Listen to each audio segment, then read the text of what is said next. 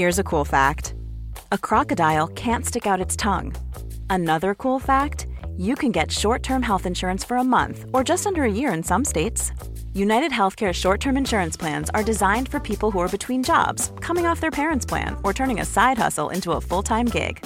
Underwritten by Golden Rule Insurance Company, they offer flexible, budget friendly coverage with access to a nationwide network of doctors and hospitals. Get more cool facts about United Healthcare short term plans at uh1.com. Hey, it's Danny Pellegrino from Everything Iconic. Ready to upgrade your style game without blowing your budget? Check out Quince. They've got all the good stuff shirts and polos, activewear, and fine leather goods, all at 50 to 80% less than other high end brands. And the best part? They're all about safe, ethical, and responsible manufacturing. Get that luxury vibe without the luxury price tag. Hit up quince.com slash upgrade for free shipping and 365 day returns on your next order. That's quince.com slash upgrade. Hiring for your small business? If you're not looking for professionals on LinkedIn, you're looking in the wrong place. That's like looking for your car keys in a fish tank. LinkedIn helps you hire professionals you can't find anywhere else, even those who aren't actively searching for a new job but might be open to the perfect role. In a given month, over 70% of LinkedIn users don't even visit other leading job sites. So start looking in the right place. With LinkedIn, you can hire professionals like a professional. Post your free job on linkedin.com slash people today. Gjenklang.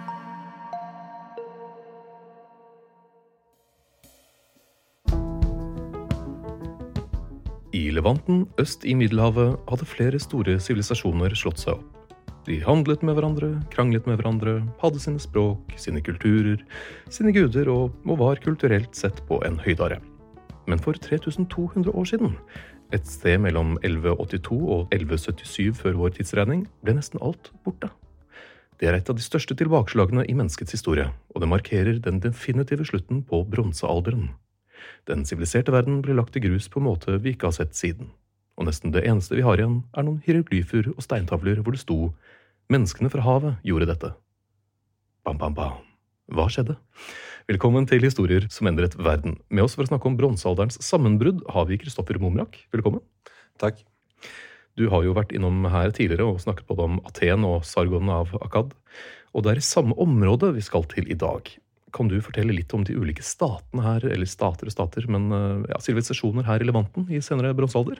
Altså, når vi snakker om Levanten, så snakker vi jo egentlig om Syria og Kanan og den kysten av Libanon. Så det er et litt diffust geografisk og politisk område. Den gangen var det det, og det er det jo den dag i dag. Men det som kjennetegner det området vi skal snakke om i dag, Levanten, i den seine bransjealderen, det er at det var mange kongedømmer som egentlig var bystater. Som var samla i to store eh, riker som het Jamhad og Katna. Og så lå det et rike litt lenger inn i landet som het Mari. Og disse bystatene, som i eh, perioder var styrt av en eh, konge som hersket over flere mindre konger, de lå midt i eh, krysningspunktet for interessene til to store imperier, nemlig Hetitterriket i nord mm. og egypterne i sør.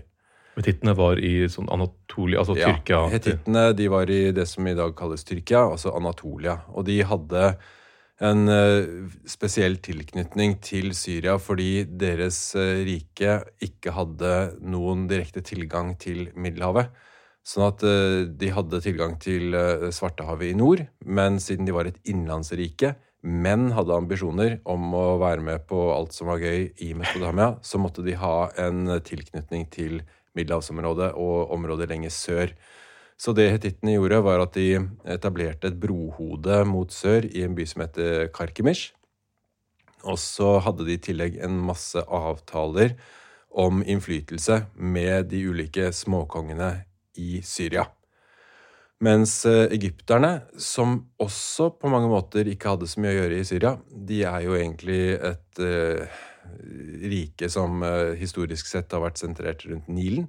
Men de etablerte mange støttepunkter oppover langs kysten av Syria for å drive handel Og også for å skaffe seg mer makt. Sånn at eh, og den egyptiske faraoen de var i perioder så var de venner og skrev hyggelige brev til hverandre, og i andre perioder så var de dødelige fiender. Så det er sånn stormaktskampen mellom uh, hetittene og egypterne som kjennetegner den seine bronsealderen i Levanten. I tillegg så har du et land som ble kalt Amurru, et rike som oppsto som en direkte følge av en mengde opprør mot disse småkongene. Og mot hetittene og mot Egypt. Så de fikk særlig støtte fra hetitterkongen og etablerte seg som et, eh, som et tredje rike da, i denne kystregionen. Så Amurru må man også ta med i betraktninga.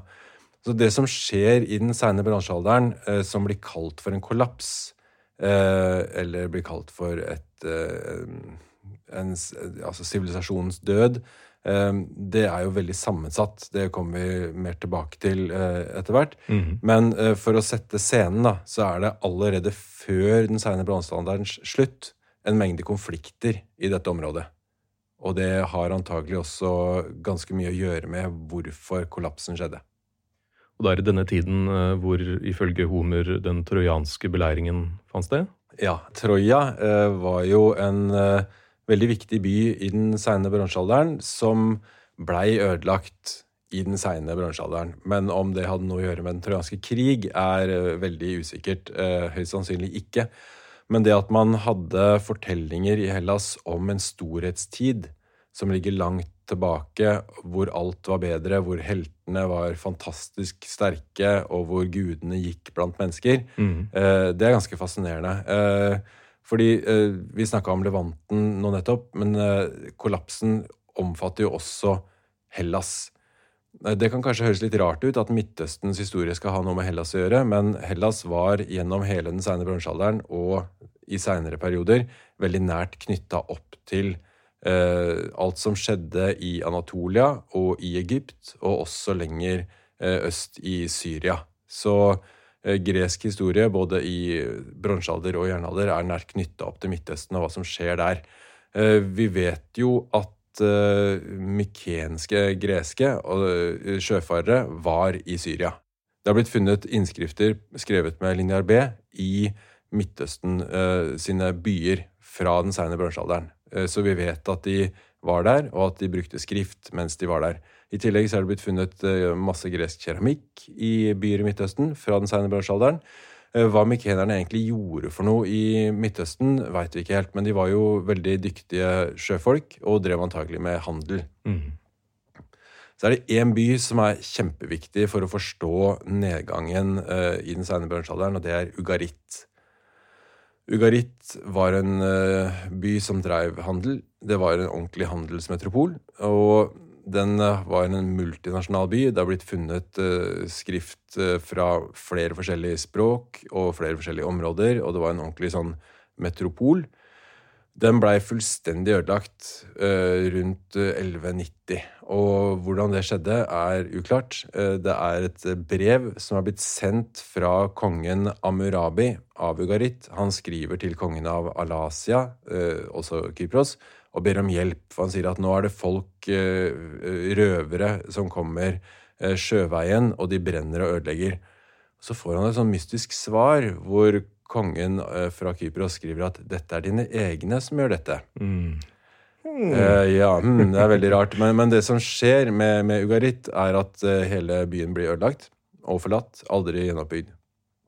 Det som også skjer, omtrent samtidig, er at eh, flere steder i Hellas, mykenske eh, eh, palasser, sånn som Mykene og Pylos, blir også ødelagt. Og så er det en hel haug med byer nedover langs kysten av Levanten som blir ødelagt til litt ulike tidspunkter, av litt ulike årsaker. Eh, så at vi har en sånn ødeleggelseshorisont, som det kalles, som sammenfaller ganske godt i tid. I tillegg så har vi noen kilder fra Egypt som omtaler hvordan Ramses 3. Eh, slår tilbake fiender altså fra havet. Så det har fått eh, arkeologer og historikere til å foreslå at her er det folkene fra havet. De er en destruktiv kraft som ødelegger en hel masse byer samtidig. Det som ikke passer inn, er at hetittenes hovedstad Hattusha, som ligger midt inne på den anatolske høysletta, også ble ødelagt omtrent samtidig. Eh, hvem som gjorde det? Høyst sannsynlig så var dette her kaskeerne, som var et folkeslag som holdt til nord for hetittenes hovedstad i området rundt Svartehavet. Eh, som aldri hadde latt seg kue av eh, hetittene, som dermed da antagelig kom og ødela store deler av byen.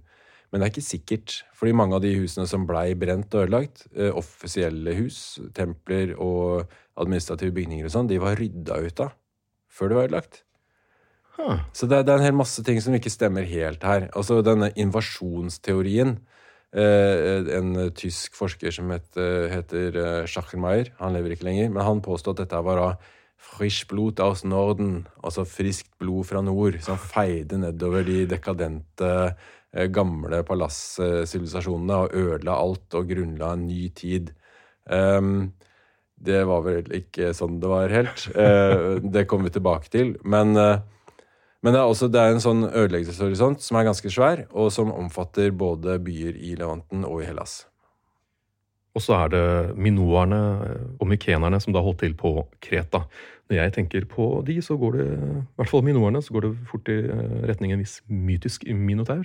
Men også palasskultur. Eh, altså, Minoisk kultur er litt grann eldre enn mykensk. Så det mystiske med minoernes kultur er at vi veit jo ikke helt hva slags språk de snakka. Eh, men de, en, eh, for de brukte et skriftsystem som blir kalt for linear A, som ennå ikke er desifrert. Som kan være, eller ikke, eh, beslekta med ugarittisk. Altså, det vil si, skriftsystemet er ikke det, men språket kan ha vært ugarittisk. Det er blitt foreslått, det er ingen som vet. Men det som skjer i Hellas i bronsealderen, er at gjennom handel med de forskjellige bystatene og ja, palasskulturer, vil si det er bystater som har et palass som har mye økonomisk, administrativ og politisk makt. Disse palassstyrte bystatene i Midtøsten de påvirker gresk styresett, og så får du eh, først minoerne og så mykenerne, som etablerer noe som kalles for en palasskultur. Eh, og det som er spennende med det her, er jo at man oversetter en veldig topptung administrativ eh, stat som samler inn jordbruksoverskuddet og bruker det på bystatens formål, og så fordeler de litt tilbake til lokalbefolkningen. Denne produksjonsmåten, som forutsetter veldig mye jordbruk, det oversetter man over til det ganske karrige Hellas. Hvor man egentlig har veldig få forutsetninger for en sånn type sentralisert, eh, byråkratisk eh, statsform. Fordi avlingene må dyrkes på små jordlapper i karrige fjellskrenter. Du har ikke denne, dette behovet for sentralt dirigert vanning, f.eks., som du hadde i Mesopotamia. Men palasskulturen i Hellas, som eh, varer fram til rundt 1200, den er uh, i stor grad påvirka av det som skjer i Midtøsten. Du har en konge, og hans undersåtter er eh, også da hans nærmeste krets i eliten. Og så har du en stor befolkning av vanlige mennesker som du ikke veit så mye om. Men det de har til felles med Midtøstens palasser, er at de bruker skrift. Så linear A fra minoernes kultur på Kreta kan vi ikke lese, men linear B, det kan vi lese, og det er gresk. Der finner du greske personnavn, greske gudenavn. Du finner invitarlister over småfe, altså sauer og geiter, og over forskjellige andre jordbruksprodukter. Så vi vet at de holdt på med en slags innsamling og administrasjon av dette her. Så palasskulturen i Hellas i den seine bronsealderen Eh, ligner også kunstmessig ganske mye på en del av det vi kjenner fra f.eks. hetittene. Du har den berømte løveporten inn til Mykene. Den er ganske lik uh, en del av det vi finner i, hos hetittene. Vi vet jo også, som jeg nevnte i stad, at greske sjøfarere, altså mykenere, var i Midtøsten. Så de var innvevd i en slags felleskultur, også da via bindeleddet Kypros hvor man drev med handel, og de var også i Egypt. Så dette her er én sånn global smeltedigel mellom eh, Hellas og Midtøsten. Men når eh, denne, dette sammenbruddet finner sted, så går også linear B tapt. Og det unike med Hellas er at uh, dette sjokket som skjedde med bronsealderens sammenbrudd rundt 1200, det varer i 400 år. Mm. Det er ikke en eneste skriftlig kilde å snakke om fra de siste tavlene blir skrevet med linear B, rundt 1180-1190, og fram til vi har eh, begynnelsen på alfabetskriften, som egentlig slår igjennom i Hellas rundt 750 før vår tidsregning. Eh, så det blir litt som vi skulle sammenligne med at eh, vi skulle miste tilgangen til skrift.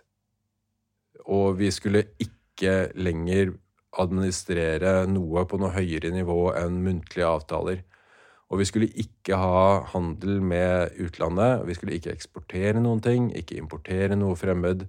Vi skulle klare oss på det vi kunne dyrke sjøl. Det er en lokal verden. Det er de såkalte mørke århundrer. Og det mørke som hersker, er hovedsakelig inni historikernes hoder, fordi vi har ikke noen skriftlige kilder, så vi vet ikke så mye. Arkeologene har funnet ut mye mer. Det var en viss grad av handel og utveksling, men det er på en helt annen skala. Så den internasjonale verdenen som Hellas er en del av i den seine bronsealderen, den forsvinner, rett og slett. Blir borte. 400 år med stillhet. Og når det kommer tilbake nå, så er det også i en helt annen skriftform, altså i alfabetisk skrift. Linjar linear B er jo en stavelsesskrift som ser helt annerledes ut enn alfabetet.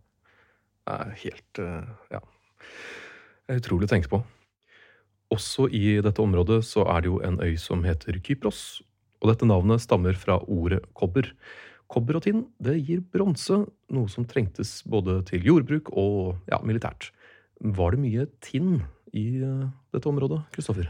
Dette er jo et veldig ledende spørsmål. Eh, det var jo ikke det. Og det som er veldig påfallende med bronsealdersivilisasjonen, i, eh, i Mesopotamia, er jo at de var helt avhengig av import. Og der ligger kanskje nå nøkkelen til å forstå uh, deler av sammenbruddet. Fordi man kan ikke lage bronse uten uh, tinn, og tinn må eksporteres fra en eller annen plass gjennom flere uh, ledd og skaffes. Vil si at du er nødt til å ha handel, et handelsnettverk, rett og slett. Det fins tinnforekomster i Storbritannia som kan ha blitt eh, utnytta. Det fantes i Afghanistan, fantes uh, andre steder, men felles for alle disse stedene er, det er veldig langt. Og du kan ikke bare sende noen for å hente. Du er nødt til å handle gjennom mange etapper. Så Eh, bronsealdersivilisasjonen var jo, i hvert fall i den seine bronsealderen, var jo prega av avtaler, skriftlige avtaler om fred og, og, politisk samarbeid, økonomisk samarbeid mellom ulike store riker.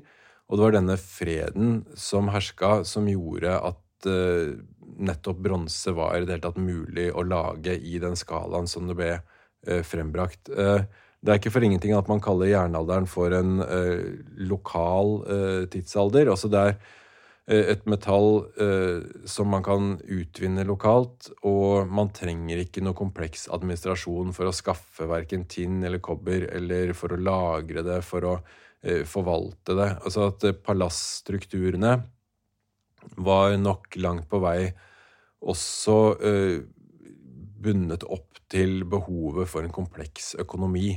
For å kunne drive handel på et visst nivå, så måtte du ha noe som organiserte det.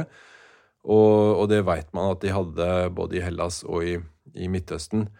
Sånn at når kobber og tinn ikke lenger blir handla med på samme måte som før, så sier det at uh, bronse ikke lenger var så viktig. Eller så sier det at uh, bronse ikke var tilgjengelig. Uh, det er to forskjellige måter å se det på. Altså, det som er problemet med en sånn metallforklaring, er jo det at hvorfor begynte de ikke å bruke jern før? Ja. Uh, og det er litt vanskeligere å få altså Det krever jo litt høyere temperaturer, da? Det, ja, så er det jo teknologi, da. Det er jo ja. mange som mener at uh, teknologien kom på et tidspunkt uh, med de som visste hvordan man skulle utnytte den. At man hadde da uh, sånne rytterfolk med stridsvogner, denne gangen også fra nord, som kom med jernteknologi. det er jo en veldig enkel forklaring, men, men det er jo dette her at folk begynner jo ikke uten videre å utvinne jernmalm og bruke det. Fordi det krever mye brennstoff for å smelte malmen osv. Eh, men eh, de hadde jo jern tidligere, men det var dyrere enn gull. Det var meteorittisk jern. Eh, ja, så det, det, var jo ikke så vanlig i bruk.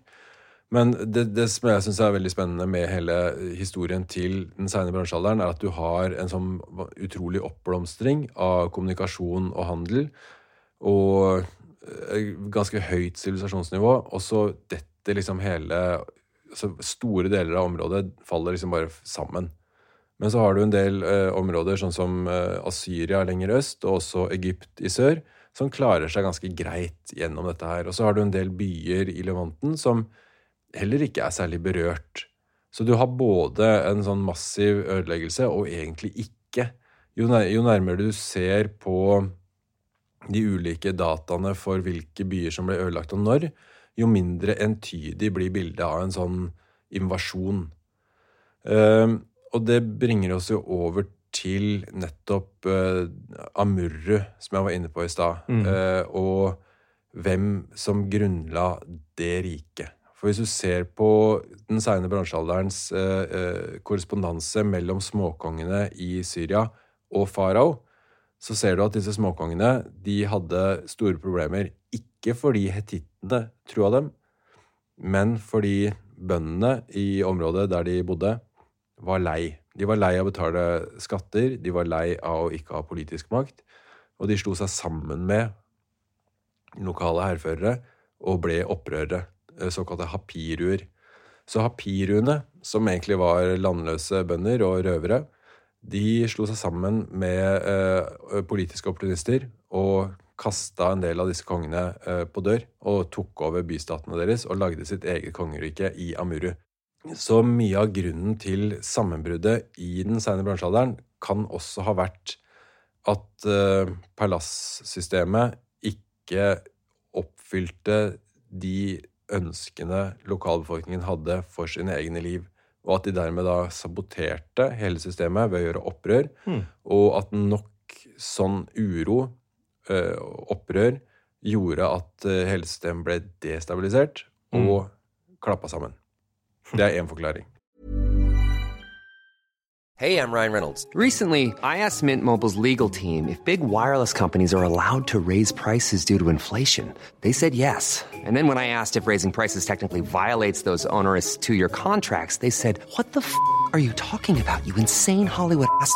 So to recap, we're cutting the price of Mint Unlimited from $30 a month to just $15 a month. Give it a try at mintmobile.com slash switch. $45 up front for three months plus taxes and fees. Promoting for new customers for limited time. Unlimited more than 40 gigabytes per month. Slows. Full terms at mintmobile.com.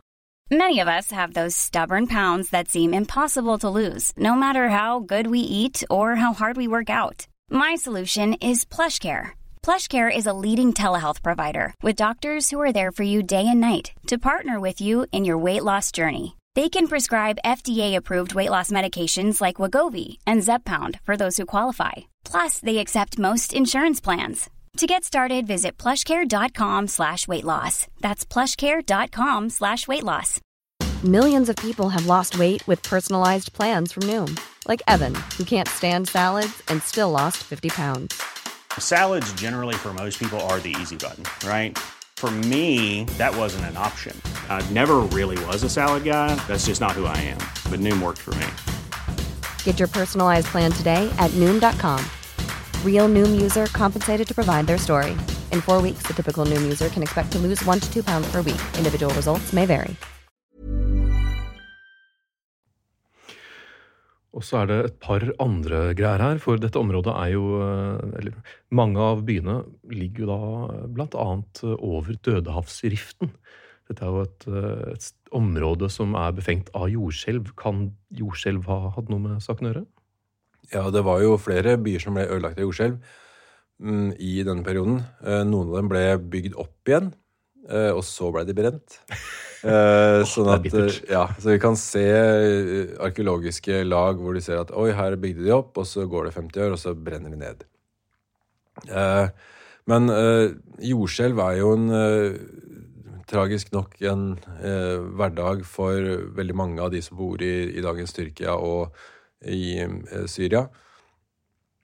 Men hvorfor de valgte å bosette seg akkurat der hvor det var jordskjelv, det er vanskelig å si. Men det er klart det er et utrolig fruktbart område likevel. Og det gir jo også store muligheter for å, ja, for å, å reise over fjellkjeder og sånn. Hvis fjellene faktisk raser sammen og man får passasjer, så er det naturlig å bygge i nærheten av det. Um, så er det noen som har ment at dette hadde et, eh, et mer eh, åndelig aspekt. At man mente at her var eh, jordiske krefter manifestert Altså at det var gudene som manifesterte sin vilje gjennom jordskjelv. Det kan hende, men det er helt umulig å finne ut av. Men jordskjelv har spilt en viktig rolle også i å destabilisere mektige riker, uten tvil. Sånn at hvis du plusser sammen muligheter for ja, jordskjelv og at det var tørke dette har man undersøkt. Man har ikke funnet en global tørke i området, at det var tørke overalt, men det kan ha vært uår allikevel. Og i tillegg da lokale uh, bønder som gjør opprør, så har du en ganske potent miks. For det, det, er jo, altså, det, er jo, mange ulike uh, analyser. altså det, Her blir jo metastudier. ikke sant? At du tar mange ulike studier, og så setter du dem sammen, så ser du hva slags bilde de lager. Mm. Og noen uh, flinke folk har klart å lage studier som viser at det var dårlige kår, og andre har laga tilsvarende studier som viser at det ikke var det. Men at det var eh, svingninger i avlinger, og generelt ja, Om det var en kuldeperiode, er det noen som har foreslått. Om det var en tørkeperiode, er det andre som har foreslått. Men at det var noe som ikke stemte, som gjorde at det seine bronsealderens handelssystem brøt sammen. Det, altså Noe må jo ha skjedd. Ja. Eh, den kilden som har blitt vanligst eh, sitert for å støtte hypotesen om folkene fra havet, eh, det er Melneptas-delen, som nevner folkene Ekoesh, Shekelesh, Lukka, Shardana og Teresh, som da skal være en sånn bande med folk fra mange ulike byer som angrep eh, Egypt, og som Ramses 3. da heroisk slo tilbake, eh, sånn at de ikke kom inn i Egypt. Men så vet vi at uh, tre andre folkeslag, tsjekker, Shardana og uh, Denja, de klarte seg ganske greit. Uh, etter at Ramses utsletta dem, så klarte de likevel å bygge seg en by i eh, lenger nord i, i, Levanten. Så der har du tsjekker-folket. de overtok byen Dor. Det har vi fra rundt 1000. Så har vi en kilde som heter Venamunds reise, hvor han forteller at han reiste til Dor og ble holdt fanga der. Eh, sånn at eh, dette peker jo i retning av at du har sjøfarende folk fra det østlige Middelhavet som reiser rundt som sjørøvere og uh, soldater, leiesoldater muligens, og angriper bl.a. egyptiske havnebyer. Men at det her er det samme som en invasjon av folk med koner og barn på båtene som leiter etter et nytt sted å bo. Altså, jeg tror ut ifra de artiklene og bøkene jeg har lest om dette her, og kildematerialet, så tror jeg at vi ikke snakker om en invasjon fra veldig langt unna. Altså, dette har vært loka ganske lokale folkeforflytninger som har hatt uh, store konsekvenser. Ja, en, en, en, tanke her er jo altså Hvis klima ja, går dukken, eller ja, det er en dårlig periode, så har jo vi sett opp gjennom historien at uh, flere folkegrupper har beveget seg. Det er jo gjerne sånn med de folk på hest fra uh, øst i Asia og mot Europa. Det er jo ganske standard. Kan noe lignende ha skjedd her? Jo, det, det, det er klart det, Litt mer lokalt. ja, det, som er problemet, eh, er jo eh, bare transportveien. At det er folkene fra havet. Eh, da, de bodde jo ikke på havet, så de har jo reist fra A til B. Og deres, husbåter. Ikke sant? Og deres åtte-ni forskjellige opphavssteder peker jo på at dette har vært en koalisjon av ulike folkegrupper. Også i Egypt så har man jo også avbildninger av disse uh, gruppene. Og de har en hårstil og klesdrakt som skiller dem fra egypterne. Uh, men mange av dem omtales som filistere, som tør være kjent. Er det funikere, da, eller? Ja, forgjengerne til funikerne, ja. ja. Uh, så at Philistines? Ja, så at, og det, det, har jeg ikke vært inne på engang, men fønikisk kultur kommer jo også ut av denne kanonitt britiske eh, havnebykulturen som eksisterer i den sene bransjealderen, og som lever inn i jernalderen. Så funikerne er jo, eller kanonittene, er jo også et folkeslag som holder fast ved sin gamle kultur, og som fortsetter å leve i området. Så de forsvinner jo aldri. Så, så, så, det er det jo nærliggende å si ok, vi har en masse byer som blir ødelagt. Og så har vi en del byer som ikke blir ødelagt, og som klarer seg gjennom kollapsen, og som overlever inn i jernalderen. Og der bor det filistere og funikere, kanonitter. Kan det ha vært dem? Hmm. Uh, det, det, er jo mye sånn altså det, det, er Min tanke rundt dette her er jo at vi, vi må se på dette her som, som opprør mot etablerte maktstrukturer. At det er um, stormaktskampene mellom Egypt og Hetitterriket som gjør at uh, det oppstår uro lokalt, og at uh, lokale småkonger mister makt, og at det oppstår nye maktkonstellasjoner i, de, i, kystbyene, og at det er med på å ødelegge forhandlingssystemet. Og at dermed da går dukken altså F.eks. bronse til Mykene, at det går under, forsvinner. Og så Vi ser jo at, at både Egypt og Syria klarer seg ganske bra. Sånn at de store katastrofene skjer jo for de som er lenger vest for Levanten, altså Mykene. Mm. Uh, og grekerne de, blir liksom, de, havner helt i bakevja. Og det kan nok ha en sammenheng med eh, store endringer i utviklinga av Eller orienteringa av handel i eh, de fønikiske kystbyene i jernalderen. Fordi når vi får kilder utover i arkaisk tid i Hellas, fra 750 før tidsregning og framover, så handler det jo med fønikerne. Mm. Da er det handel med Levanten med en gang. Det er noe av det første vi ser tegn på. Og alfabetet kom til Hellas fra fønikerne. Men, eh, men, eh, men, en ting som er eh, interessant når man snakker om Kanan, er jo at Israel er nevnt blant disse folkene som Ramses 3. slåss mot. Tror mange. Om det var det, er usikkert, men mange mener at Israel er nevnt blant disse, blant disse folkeslagene som, som egypterne slåss mot i den seine bronsealderen. Dette her er jo et veldig betent spørsmål, for mange vil jo også bruke filisterne som et eksempel på at ja, men da er jo palestinerne kommet seinere enn jødene til eh, Kanan. Eh, som er på en måte det Det blir veldig vanskelig å avgjøre. Ja.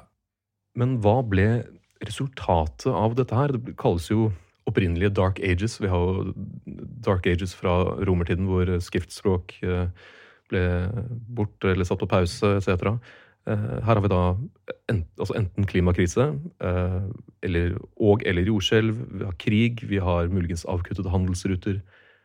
Hva, hva ble resultatet? Det kommer veldig an på hvor du er. Hvis du var en greker, vil du si at uh, konsekvensene ble at palassene forsvant, og at lokale styreformer vokste frem, og at man fikk bystaten polis som er en selvstyrt politisk enhet styrt av borgerne.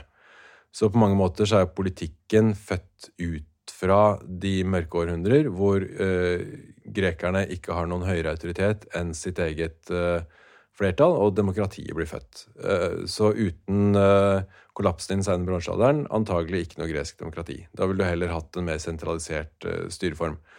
Eh, hvis du ser det fra Egypt sin side, så ville man nok ha tenkt at eh, det var et gode at Egypt endelig holdt seg innenfor sine naturgitte grenser, og slutta å blande seg opp i alt som skjedde i Syria. Fordi det var store betenkeligheter rundt eh, hvorfor Egypt skulle utvide seg nordover. De fikk veldig mye problemer med det. De måtte sende tropper nordover støtt og stadig for å slåss mot fremmede herskere. Så, så, de ville kanskje tenkt at dette var et gode. For uh, asyrerne så var jo dette kjempefint, for da ble de endelig kvitt uh, hurittene som hadde riket Mitanni, som lå som en klam hånd over uh, asyrernes naturlige interesseområder. Så at i jernalderen så kom jo det asyriske riket på banen, og det blir storriket over alle storriker, som grunnlegger et imperium som seinere ble overtatt av babylonerne og av perserne og av Aleksander den store. Sånn at grunnlaget for de store imperiene i jernalderen skjer som et resultat av at det blir maktkonsentrasjon for asyrerne etter omveltningene i den seine bronsealderen. Eh, det som skjer som er på mange måter negativt, er jo at det hele det diplomatiske og internasjonale handelssystemet og alt dette her forsvinner ut. Eh, de slutter ikke å bruke kileskrift og slutter ikke å sende brev, men eh, bruken av kileskrift forsvinner eh, bl.a. nordover til eh, hetittene. De forsvinner jo. Hetittene blir jo bare borte. Eh, det som er igjen av hetittene, dukker opp som luviere, som er eh, et beslekta folkeslag ut fra hva vi kan se av eh, kunst og språk som holder til i byer i Syria. Så det hetittiske riket blir bare borte. Og i eh, Anatolia så blir det et maktvakuum, eh, og da dukker det opp eh, andre folkeslag, sånn som frygerne, som tar mye av styringa, og lydgjerne. Frygerne, er det de som hadde de rare hattene? Ja. ja. Det stemmer, det er smurfeluene. Ja. så frygerne og lydgjerne de tar makta i Anatolia, og så er grekerne på vestkysten av Anatolia. Så da blir det et maktskifte. Um, så det blir mer regionalisering. Veldig mye uh, små enheter rundt forbi som ikke driver med handel på samme måte, men det tar seg jo veldig opp da, i, i jernalderen. Uh, I hvert fall for en del byer sitt vedkommende. altså Grekerne handler veldig mye med fønikerne på den levantinske kysten, f.eks.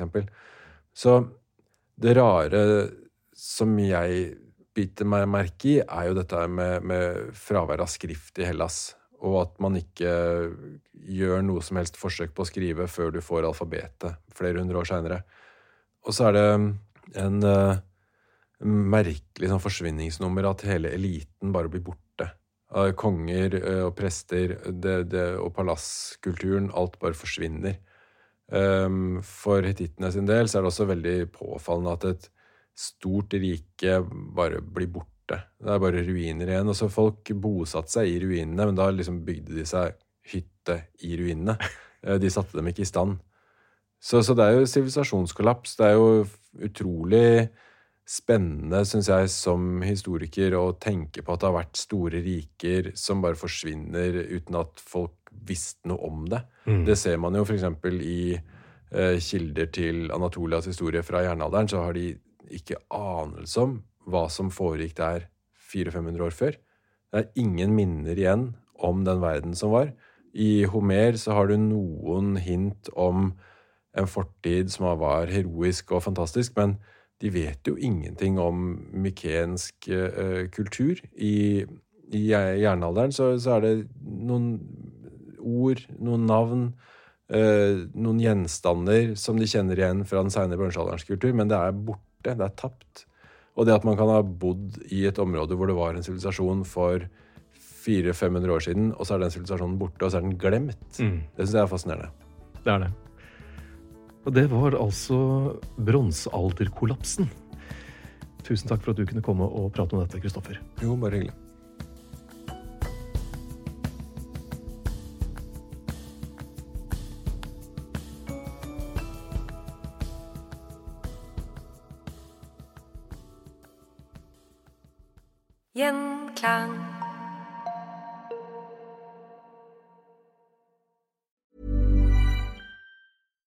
Deserves the best, and there's no better place to shop for Mother's Day than Whole Foods Market. They're your destination for unbeatable savings, from premium gifts to show-stopping flowers and irresistible desserts. Start by saving 33% with Prime on all body care and candles. Then get a 15-stem bunch of tulips for just $9.99 each with Prime. Round out Mom's menu with festive rosé, irresistible berry chantilly cake, and more special treats. Come celebrate Mother's Day at Whole Foods Market.